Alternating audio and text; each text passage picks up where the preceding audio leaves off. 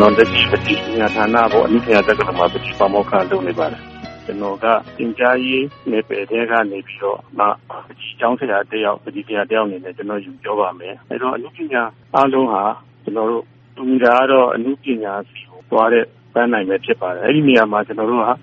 ဟိုလွတ်လပ်စွာဝယ်လက်ဝင်ရှိပါတယ်တူညီစွာကိုယ်လက်ဝင်ရှိပါတယ်ယုံကြည်စွာကိုယ်လက်ဝင်ရှိပါတယ်ကျွန်တော်ဒီ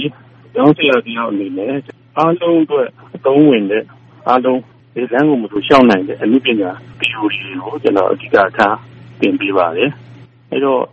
အမှုပညာ theory ပေါ့ပကြီးပေါ့ပကြီးမှာဆိုတာလေကျွန်တော်တို့ပကြီးဝါဒတွေခံခံစားချက်တွေခံယူချက်တွေအများကြီးကြွပြပါတယ်။အဲတော့ကျွန်တော်သင်ကြားရေးမှာကျွန်တော်အဓိကအဓိကထားတာတော့ကျောင်းသားတွေရဲ့ဒီကိုယ်ပိုင်အတွေးခေါ်စိတ်ကူးတစ်ခုနဲ့သူတို့ကိုယ်ပိုင်လက်ရာတစ်ခု ထွက်လာဖို့ကို ကျွန်တော် အဓိက တွန်းအားပေးပင်ကြပါတယ် ကျွန်တော်ကိုယ်တိုင်လည်း ကိုယုံကြည်တဲ့ လက်ရာတစ်ခုကို ဒီနေ့ထိလည်း ကျွန်တော် ဖန်တီးနေပါတယ် အဲ့ဒီနေရာမှာ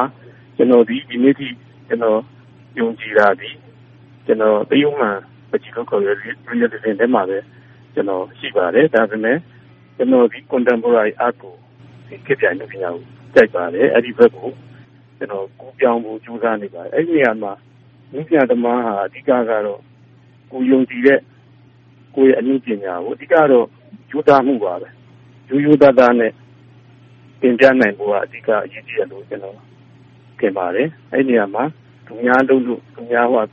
သူများဖန်လို့အာဒီလိုမျိုးဆိုရင်တော့သူတွေကဟောဟိုစိတ်ဝင်စားမှမဟုတ်လို့ဆိုတာကကိုကိုယ်တိုင်ဒီပေါ်မှာခံစားသက်ဝင်ပြီးဖန်တီးနိုင်တဲ့လက်ရာတစ်ခုမျိုးဖြစ်ဖို့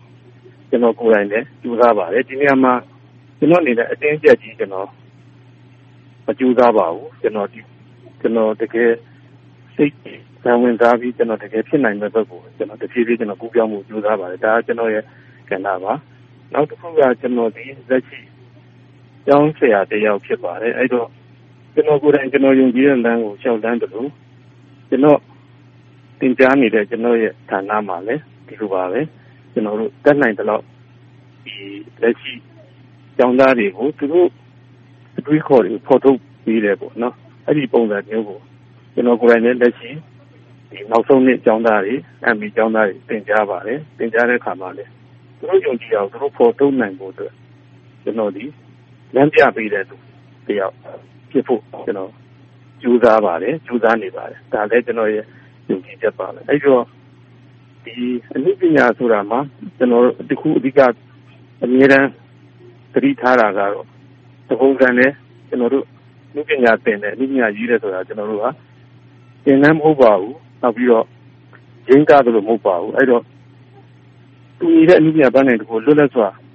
ကွဲလဲခွင့်နဲ့ယုံကြည်စွာရှောက်လန်းခွင့်ကိုကျွန်တော်အဓိကထားယုံကြည်ပါတယ်အ